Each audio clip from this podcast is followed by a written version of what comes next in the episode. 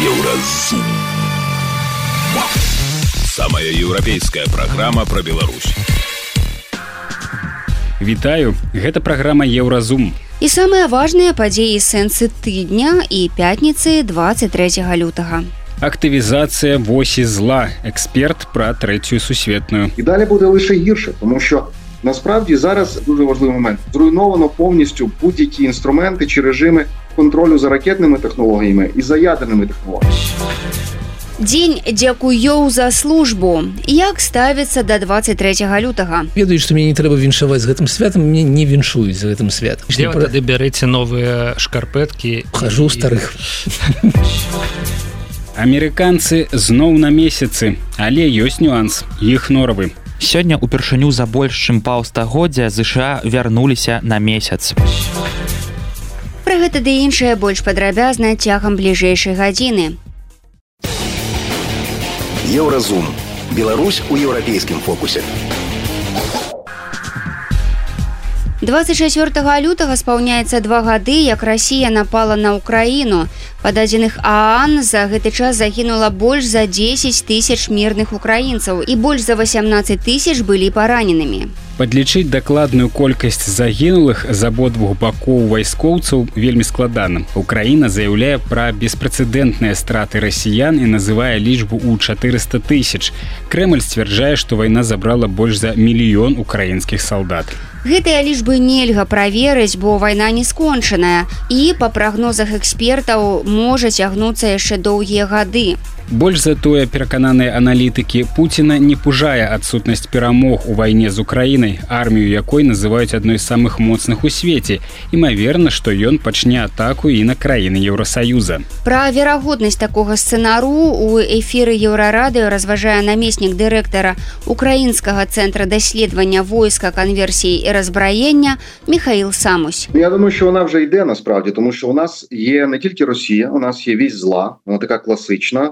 Тобто Росія, яка заробляє, на жаль, продовжує заробляти сотні мільярдів доларів за продажу нафти і газу, має можливість інвестувати великі фінанси, наприклад, Північну Корею. Зараз Північна Корея перетворена на великий військовий цех Росією, де виробляється, відновлюється виробництво, створюються нові заводи і боєприпасів. Тобто Росія зараз воює е, значною мірою північно-корейськими боєприпасами. Російська промисловість не встигає за темпами е, фронту, і тому мільйони боєприпасів йдуть різного номенклатури йдуть з північної Кореї. Плюс Північна Корея за допомогою російських грошей, які, до речі, то дуже цікавий цикл. Росія за юані продає нафту Китаю. Потім ці юані інвестує в Північну Корею на виробництво боєприпасів ракет. А Північна Корея для того, щоб виробляти боєприпаси і ракети, купляє компоненти і сировину в Китаї знову ж таки за юані. Юані повертаються до Китаю. Всі задоволені, вісь зла працює. Те саме, до речі, з Іраном відбувається. Але суть в тому, що та ж сама Північна Корея вона виробляє зараз за допомогою цього фінансового оборонно-промислового циклу е, зла ракети. Вони е, отримують е, передові ракетні технології з Росії, наприклад, по розвитку тих же самих е, атомних підводних човнів. Очікується, що дуже скоро Північна Корея буде мати такий човен е, чи човни з можливістю запуску ракет дуже схожих на калібри. Тобто крилаті ракети морського базування, яких до цього часу в Північній Кореї не було, вони зараз різко з'явилися і почали випробуватися. Тобто, до чого я веду? Наприклад, ситуація в Червоному морі, баб Ельмандецька протока, вплив знову ж таки на нафтові перевезення, які впливають на ціни на нафту. Кому це вигідно? Росії. А хто там діє проксі Ірану, які входять в зла? І тому ті західні країни, які думають, що якимось чином вдасться відсидітися десь в тихенькому, тепленькому місті, не вдасться, тому що все це впливає вже і на економічну ситуацію, і на безпосередньо, наприклад, на ціни на нафту, на виробничі можливості. Ну а в Україні, наприклад, е, або в Червоному морі, або в Ізраїлі, або в інших регіонах, впливає безпосередньо на безпекову ситуацію, на військову ситуацію. І далі буде лише гірше, тому що. Насправді зараз дуже важливий момент зруйновано повністю будь-які інструменти чи режими контролю за ракетними технологіями і за ядерними технологіями. Знову ж таки, є різні оцінки, що Іран ось ось ось уже офіційно представить свою ядерну зброю, і це буде вже наступний етап розвитку вісі зла. А в цей момент е, наші західні партнери думають, чи вдасться їм уникнути цієї війни. Не вдасться, звісно, вона вже йде. Причому е, дуже відкрито, дуже ефективно з точки зору вісі зла. Китай грає там свою роль. Він е, як би говорить, що офіційно він за мир. але він безпосередньо забезпечить системну підтримку на сировинному фінансовому технологічному рівні забезпечуючи цю цей цикл виробництва військової техніки боеприпасів ракетної техніки. Я разумею что калі мы кажам про паўночную Корею там ўсё ж таки гэта далёка там у іх там на праз Владивосток усе это можна пастаўки рабіць. Але калі про Іран по звестках 400 балістычных ракет яны перадалі России все ж таки Іран гэта тут неяк вот блізка і да Украины у тым ліку. Я так добра гляжу як працуе і гур і СБУ і астатнія спецслужбы. Няўжо не было магчымасці нейкім чынам як яны там перавозяцца этой ракеты морам ці там як взять і подтапіць іх там спыніць тыя пастаўкі?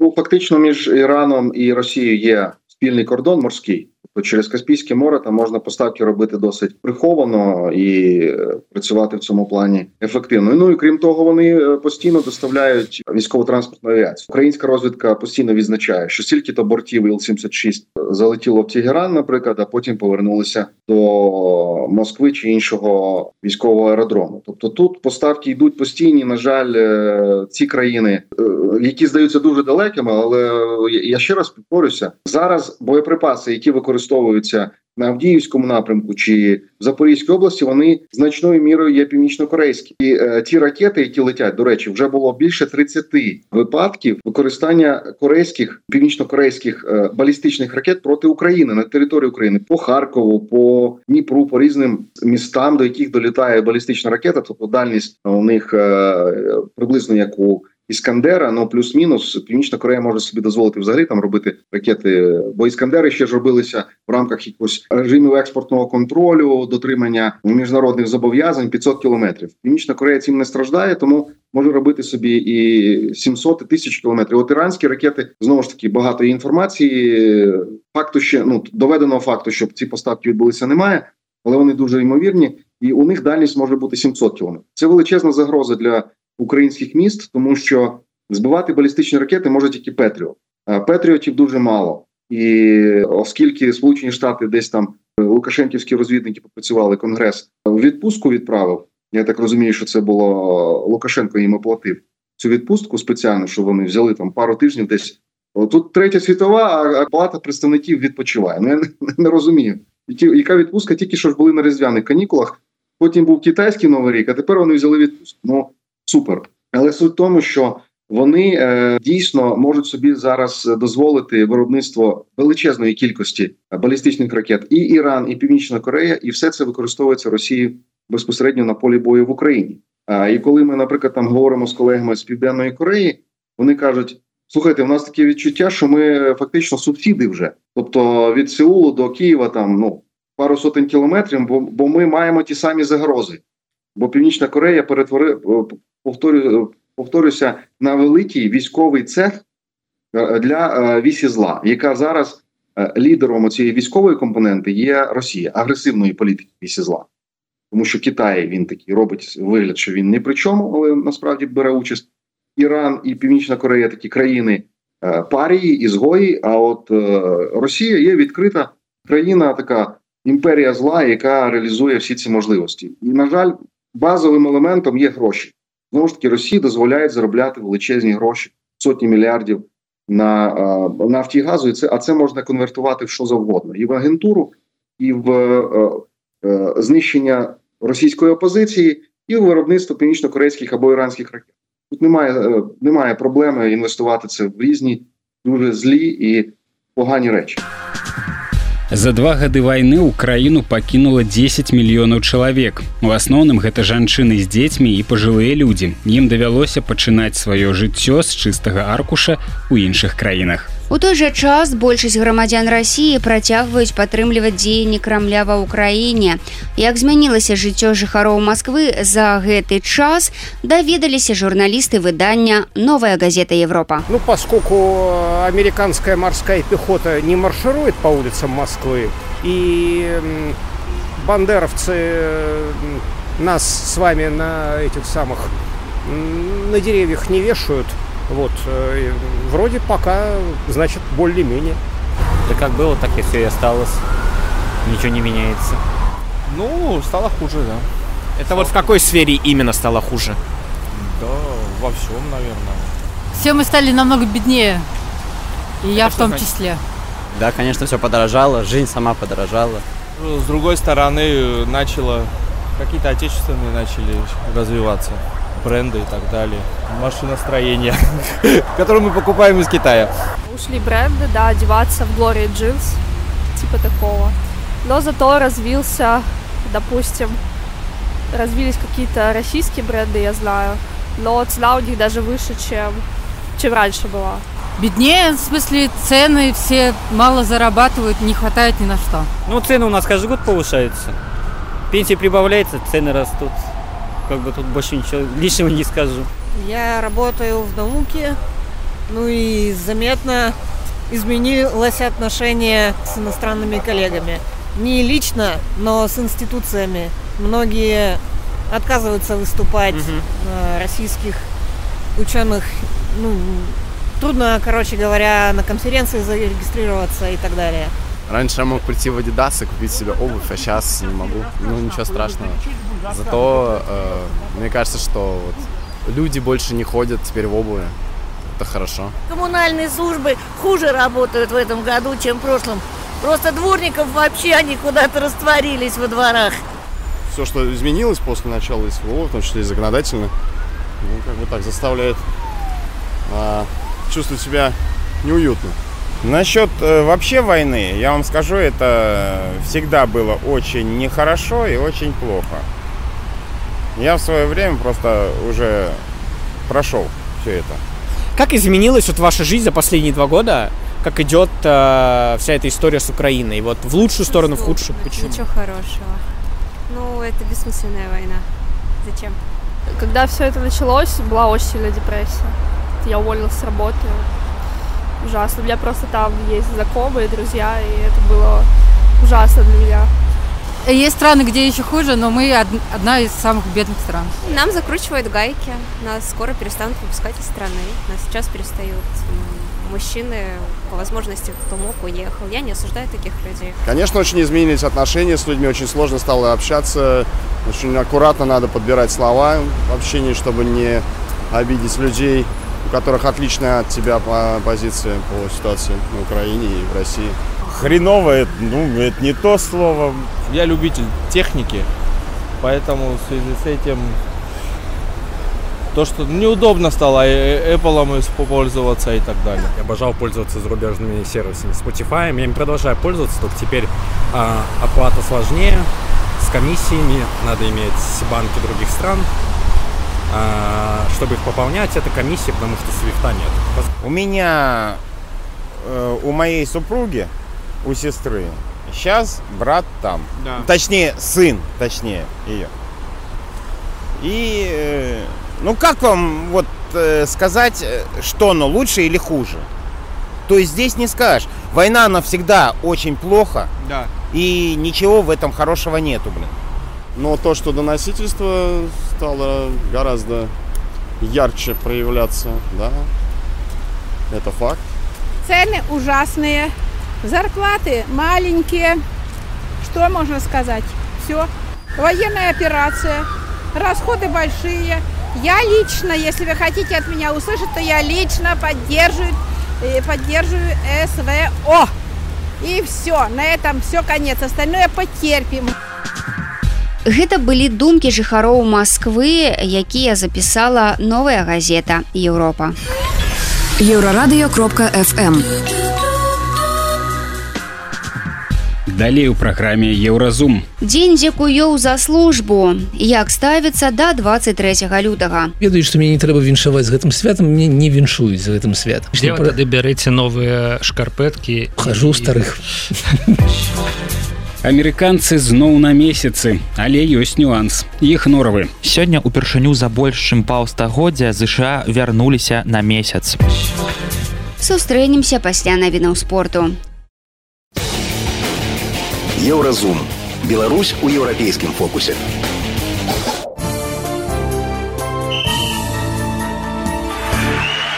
На еўрарадыё навіны спорту. Салігорскі шахцёр другі год выйграў рэгулярны чэмпіянат Беларусі па хакеі. Другое месца ў віцебска матчы адной чацвёртай фіналу стартуюць у сакавіку. Ужо вядомыя дзве пары юнацтва і металург, Нюман і гомель. Сапернікі шахцёры віцебска стануць вядомыя пазней. За дзве пуцёўкі ў плэй-оф яшчэ пазмагаюцца ліда, брест, хімік і лакаматыў. Футбалісткі зборнай Беларусі разграмілі каманду Албаніі 3-0 таварыская гульня прайшла на мальце. Гэта быў першы міжнародны матч беларусак у 2024. 23 лютага ў Ньёне прайшло лёсаванне адной восьмай фіналу футбольнай лігі Еўропы. Самы тытулаваны клуб сярод 16 удзельнікаў Ліверпуль трапіў на пражскую спарту. Першы матчы пройдуць сёмага сакавіка матчы ў адказ праз тыдзень. Беларускі гандбаліст Мікіта Вайлупаў дапамог венгерскаму веспрыму перамагчы ў лізе чэмпіёнаў дацкі гудмы 34-31. На яго рахунку 5 закінутых мячоў агулам у гэтай лізе чэмпіёнаў Вайлупаў вызначыўся ўжо 25 дакладнымі кіткамі.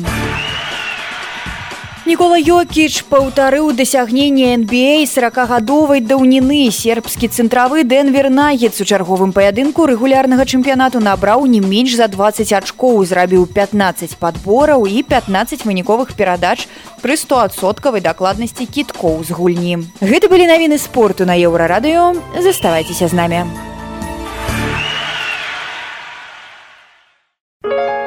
Еўрарадыё. Моц настрою. 23 лютага лукашенко і ўсё яго постсавецкае асяроддзе святкуе дзень абаронцаў айчыны і апошнім часам важнасць гэтага свята істотна ўзрасла бо 23 лютага гэта магчымасць лукашэнкі сказаць сваім верным сілавікам дзякуй за службу роўна тады калі яны гэтага чакаюць. А што можа быць больш прыемнага чым атрымаць падзяку на якую разлічваеш? Гэтую дату і так званое свята у нашым эфіры абмяркоўваюць галоўрэд еўрарадыё павел свярдлоў і палітыкі блогер александр канырович 23 лютага александр дзень савецкай арміі і военно-марского флота які плаўна перарос у mm -hmm. дзень абаронца айчыны у сучаснай беларусі. Я не ведаю як ён там называется у сучаснай Росіі але думаю что яны хутчэй за ўсё таксама святкуюць і таксама нешта такое. А якое у вас стаўленне Александр і ці атрымалі вы ўжо свае носки і э, пену для э, галення? Галення. У меня мама яна ставіцца да ўсіх да ўсіх да зброі да войны вельмі адмоўна. І мне ніколі ніколі ў жыцці у меня не было ў дзяцінстве ніякіх ні пісталетыкаў ні танчыкаў ні нічога іншага. І таму я пацыфіст. І таму я заўсёды адмаўляўся калі мне казалі ну мы з тебе віншуем хлопцы не да мяне. Прыходзьце на дзень народзінаў ці на ну, новы год а вось гэты дзень меня не чапайце. І таму для мяне гэта не свят у меня ніякіх на жаль ніхто мне нічога не не не, не падарыў. Мои блізкія ведаюць што мне не трэба віншаваць з гэтым святам мне не віншуюць за гэтым святам.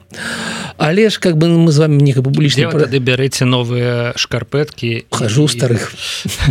Ведаеце якія выдалі ў калоніі у тых самых там выдаюць калі няма сваіх таких без гэтых без гумовых гэтых штучак там ухожу у тых яшчэ у чорных но ведаеце... ну, нічого власна няма дрэннага ў чорных шкарпэтках ведаеце ненавіжу да? Я вельмі я вельмі дрэнна. што я цалкам, я цалкам вельмі дрэнна стаўлюся да чор да чорнага колера тому что ну мне здаецца гэта калі чалавек не, можа себе никак там дазволіць себе выказваць нешта ён тады адпранаецца ўсе э, чорныя. Таму я у меня няма чорных э, рэчаў і меня няма чорных тых самых шкарпе правильно да. Чорны як бы усім пасуе так. нікога не псуе хочаш э, не памыліцца чорны белы Ну я разумею я разумею земфіру разумею там цое чаму яны былі ў чорным но звычайны чалавек все ж таки неяк по-іншаму успрымаю свет так вось ну калі казаць про 23 лютага ну давайте паглядзім у гісторыю ўсё ж таки. Я 23 лютага чаму гэта свят? Что адбылося 23 як ли шчыра э, не дужа ведаю. А я вам распавяду так глядзіць калі калі я быў малым і калі мы как бы вывучалі гэта ў школе нам казалі что 23 лютага рабоча-хрысціянская красная армія дала бой кому? Немцам. Под 10 там под нарвай под псковым яна там нешта зрабіла і таму ад гэтага пачынаецца вялікі шлях красной армії як было сапраўды. Ну па-першае ніякіх баёў 18 году годзе 23 лютага нідзе не было агулам нідзе не было. По-другое ну глядзіце 23 лютого 18 -го года а праз два тыдня подписывается той самы брэсцкі мир той самы позорны брэсцкі мир по якому ленін аддаў усё. Ён надаў усе страны балты ён аддаў фінляндію не надаў амаль на той час амаль всю Беларусь аддаў бессарабію украіну. Ён все гэта аддаў пагадзіўся з немцам сказал все добра То бок так сабе далі бой у прынцыпе гэта быў вось такі бой. Чаму ён быў такі? Таму што калі Ленін прыходзіў да ўлады ён напісаў пер памятаеце? Ну, вы не памяце я памятаю. Дэкрэт аб міры.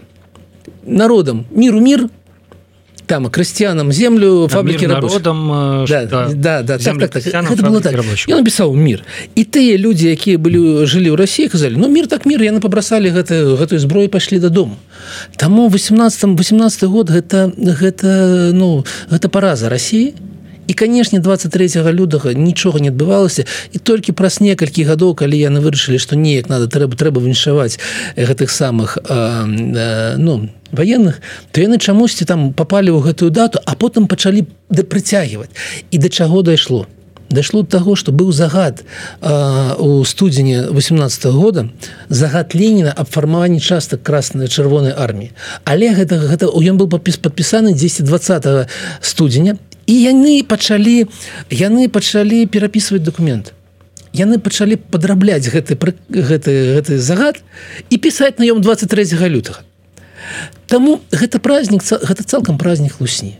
Гэта яшчэ одна хлусня савецкая і мы чамусьці как бы ну Беларусь чамусьці ў гэты дзень і гэта яны да? Яны культывуюць усё савецкае так. але вось вы сказали цікава э Александр про тое что бальшавікі хацелі дзень калі трэба віншаваць вайскоў трэба было прызначыць нейкі дзень так. каб іх віншаваць. І мне здаецца что гэта вельмі важная вось такая шестерёночка да? Вось так, як гэта, вот вот у іх працуе да? Восьось вам легальны дзень калі вот вайсковец ён чакае что яго павіншуюць. Яго ў гэты дзень трэба віншаваць. Ёсць таксама дзень міліцыі калі мільцыянт чакае што яго павіншуюць. Ёсць дзень КДБ КДБ да там і ва ўсіх розных дарэчы вот сёння э, лукашенко уручыў э, новыя пагоны у тым ліку і міліцыянтам. Mm -hmm. да, то бок дзень здаецца вайскоўцаў. Так. і вось яшчэ мы знайшлі фотку класную Я думаю что гэты дзень ён таксама патрэбны дзеля таго каб у рабіць вот вот каб была афіцыйная нагода вот зрабіць вось такія вось фоточки да вот. Ну паглядзіце. Ну все адразу робіцца ясна. Камусьці прыгожа. Ім я думаю вельмі все падабаецца. Мне таксама по гэтай фотцы все ясна і все на ёй падабаецца. Толькі эмоцыі нейкі такія супрацьлеглыя працягваюць павел свярдлоў і александр канырович і чаму я вось у вас пытаюся про шкарпэткі і пены для брыцця Таму што вось гэтыя людзі чакаюць, што іх 23 лютага павіншуюць. І што можа быць лепш? Што можа лепш даказваць, што ўсё ў парадку, што сістэма працуе? Шкарпеткі на месцы. Да, чым атрымаць падзяку віншаванне і шкарпэткі у той дзень, калі ты разлічваў, што ты іх атрымаеш, значыцца все ідзе по плану все ідзе правильно.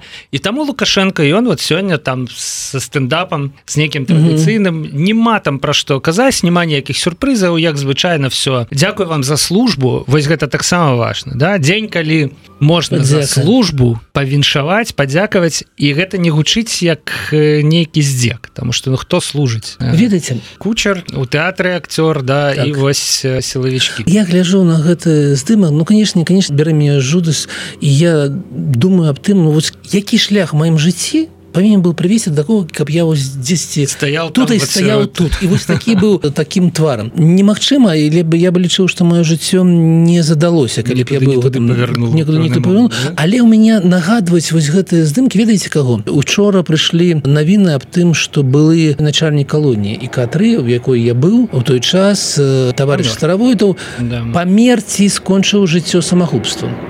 І вось ён ён калі ён быў пры паразе тады ён прыходзіў до нас з зняволеных вось прыкладна ў такім відзе. Бараша гэты які да, фірмовы да, быў быў модзе ўжо генералы могуць сабе такі дазволіць. Ну ён быў палкоўнік. Напэўна у савецкія часы гэта быў генерал а зараз уже у нас как бы все стало по-іншым так вось ён быў у такім выглядзе заўсёды прыходзіў і і вось учора как бы написали что ён напэўна скончыў жыццё самагубствам кажуць про нейкі карупцыйныя справы. Гэта праўда у калоніі там і раней былі выпадкі калі кагосьці за краты закрывалі. І было такое что гаворылі паміж сабой. Просто вязні звычайна гаворылі аб тым что мінулы там кіраўнік прамысловай зоны таксама скончыў жыццё самагубствам тому что там было віно вялікія былі недастачы там былі вялікія праблемы. І для мяне гэта шлях вось адсюль да как бы да вот что да. застаецца беларускаму сілавічку заплямленаму в рэпрэсіях пасля таго вот як ён все гэта навараціл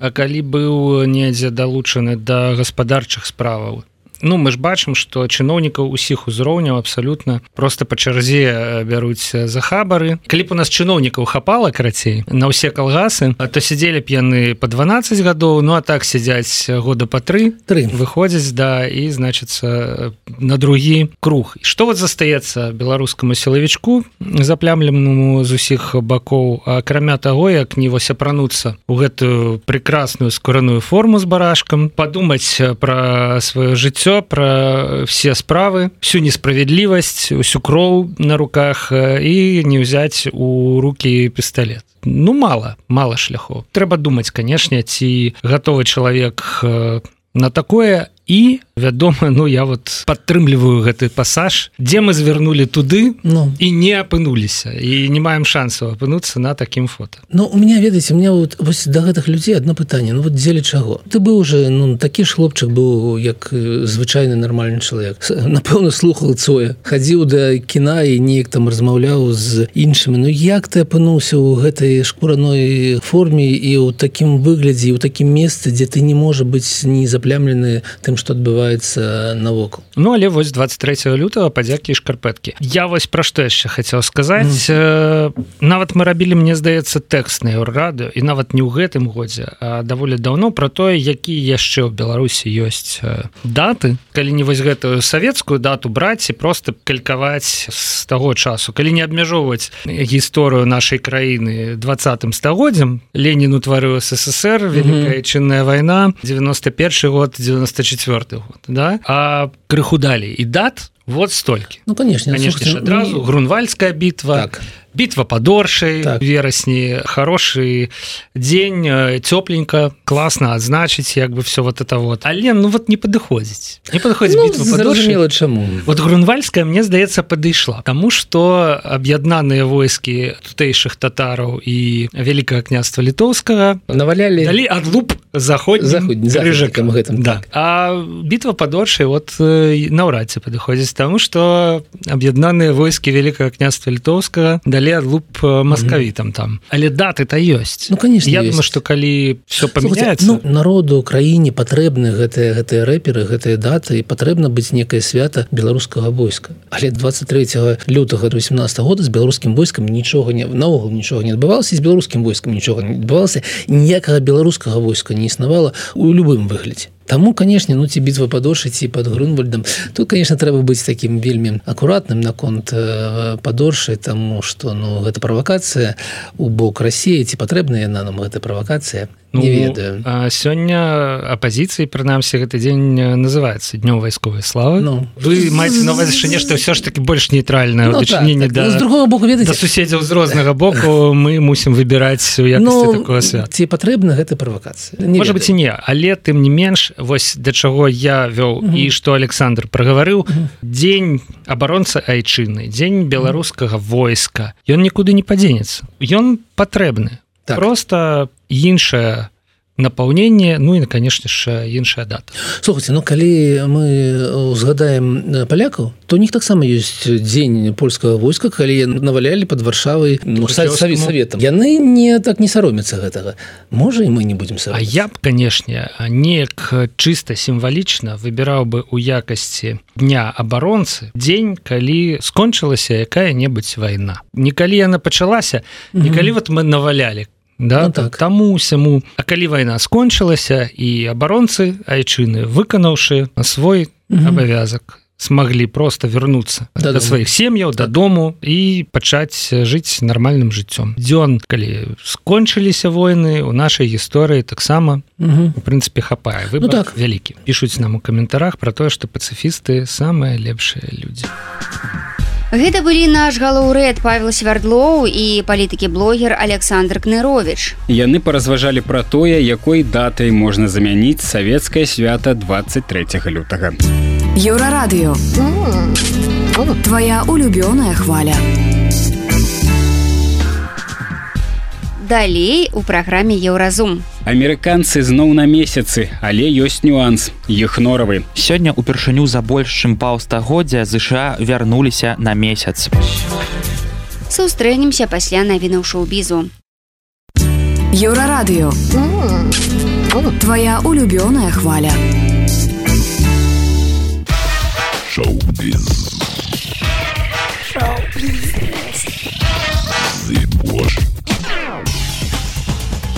Вітаю, гэта навіны шоу-бізу. Джонні Дэп наведаў выставу, прысвечаную ціму Бёртану, якая праходзіць у нацыянальным музеі кіно ў знакамітай вежы молі антынеліана ў італьянскім турыне. Джонні Дэп, які неаднаразова здымаўся ў карцінах Бёртана, падзяліўся ў сваім акаунце ў садсетках фотаздымкамі з выставы. Падзякаваўшы арганізатарам за запрашэнне. Адміністрацыя музею ў сваю чаргу апублікавала фотаздымкі, на якіх быў зняты візіт галівудскага акцёра з каментаром наступнага зместу. Учора мы мелі гонар прымаць Джоні Дэпа на нашай выставе падчас яго кароткай паездкі ў турын. На адным са здымкаў Джоні пазіруе побач з размешчаным на стэндзе лістом, у якім Тім Бёртон прапануе яму ўнесці некаторыя змены ў жарты яго персанажа ў фільме Чарлі і шакаладная фабрыка. У Японіі па абвінавачванні ў распаўсюджванні дзіцячай парнаграфіі арыштаваны вядомы прадюсер анімэ кайціра іта ў партфоліо якога такія міжнародныя праекты як судзуму якая зачыняе дзверы тваё імя і многія іншыя. Сцвярджаецца што 52гадоваму каіціра іта ставіцца ў віну прымус 15гадовай дзяўчынкі з якой ён пазнакоміўся ў сацыяльных сетках да адпраўкі яму аголеных селфі. Па звестках вядучай такійскай тэлекампаніі цібс прадюсер перавёў дзяўчынцы каля 85 долараў у абмен на яе аголеныя фатаграфіі. Парушыўшы такім чынам законы японіі аб абароне дзіцячай прастытуцыі і парнаграфіі ён быў узяты пад варту каля свайго дома у такі токійскім раёне сібуя. HBO падоўжыў серыял сапраўдны дэтэктыў на пяты сезон. Больш затое кіраўніцтва кабельнага канала прызначыла шоуранера чацвёртага сезона анталогіі з падзагалоўкам начная краіна і сулопус куратарам новага праекта ў рамках падпісанай паміж бакамі здзелкі. На гэты момант пакуль не зразумела, ці будзе пяты сезон самастойнай гісторыі ці ён будзе мець сувязь з чацвёртым раздзелам самым рэйтынгавым у дэтэктыўным серыяле. Гэта былі навіны шоу-бізу, заставайцеся на хвалях еўрарадыё.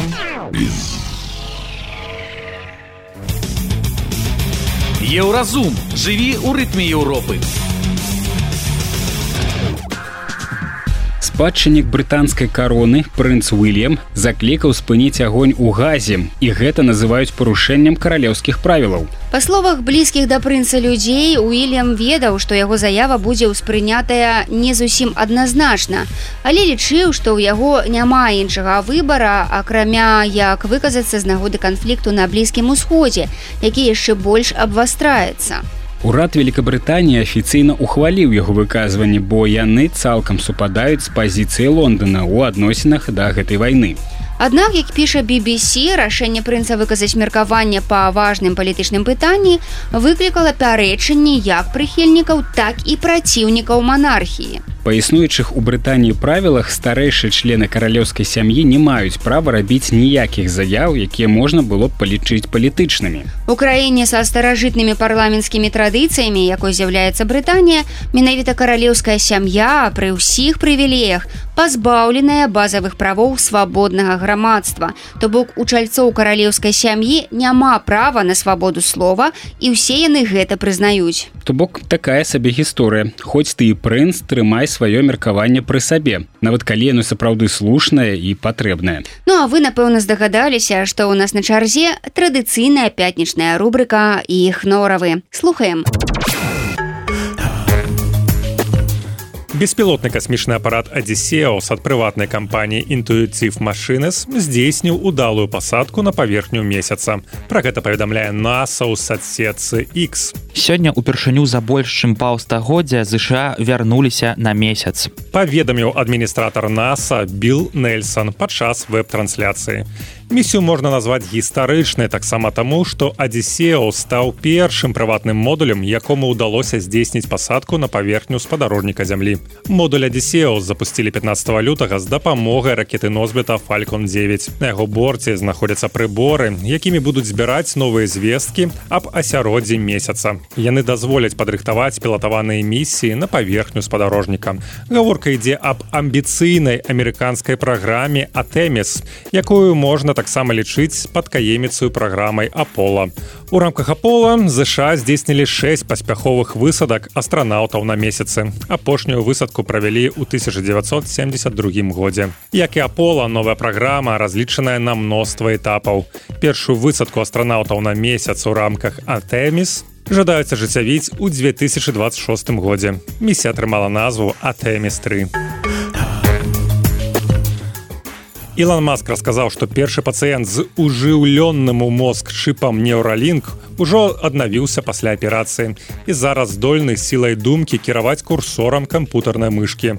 Працэдура нагадаем прайшла напрыканцы студзеня. Прагрэс добры і пацыент, як відаць, ачуняў без якіх-небудзь пабочных эфектаў, пра які нам вядома. Пацыент можа перасоўваць мыш па экране, проста думаючы. Наступны этап клікі цытуе портал за independent маска. Па словах мільярдэра мужчына пакутуе на захворванне праз якое не можа рухаць канечнасцямі. А нейрачып неўралінг дазволіць яму і іншым пайсці на папраўку. У перспектывы ён дазволіць не толькі кіраваць электронікай але і вяртаць рух канечнасцям змагацца з дэпрэсіямі вяртаць слых і нават прымусіць мозг працаваць больш эфектыўна Неўролінк маска атрымаў дазвол на ўжыўленне нейрачыпаў людзям мінулым летам. Пасля таго, як выпрапаванні на малпах паказалі, што тэхналогія сапраўды працуе. Жывёлы з імплантантам у мозгу спакойна сядзелі на крэсле і нядрэнна спраўляліся з аркаднай гульнёй понг, кіруючы джойстикам з дапамогай сілы думкі сабаку бобі які жыў у португаліі было 30 гадоў і 268 дзён калі ў лютым мінулого года кніга рэкордаў гінаса назвала яго самым старым сабакам у свеце. У кастрычніку 2023 года ён памёр у заяўленым узросце 31 год і 165 дзён. Але ў мінулым месяцам кніга рэкордаў гінаса пачало расследаванне ў дачыненні да партугальскага сабакі пасля таго як узніклі сумневы адносна яго рэальнага ўзросту. Расследаванне правялі нягледзячы на тое што нараджэнне відавочна відавочна было пацверджаная базай дадзеных хатніх жывёл партугальскага ўрада і нацыянальным саюзам ветэрынараў. Бобі быў чыстакроўным раферуду алентэжу, пародай сабак ахоўнікаў хатняй жывёлы сярэдняй працягласцю жыцця ад 12 до 14 гадоў. Калі Бобі быў прызначаны самым старым сабакам у свеце, ён пабіў рэкорд усталяваны з 1939 года аўстралійскім пастушыным сабакам, які памёр ва ўзросце 29 гадоў і 5 месяцаў. У кнігі рэкорд рэкордаў гінасам заявілі што ў іх няма пераканаўшых доказаў таго што бобі пражыў так доўга. Марк маккінлі дырэктар па дакументацыі кнігі рэкордаў гінасам заявіў што дадзеныя мікрачыпа атрыманыя з афіцыйнай партугальскай базы дадзеных адыгралі цэнтральную ролю ў доказах бобе але аказалася што чыпіраванне не патрабуе пацвярджэння ўзросту для сабак якія нарадзіліся да 2008 года.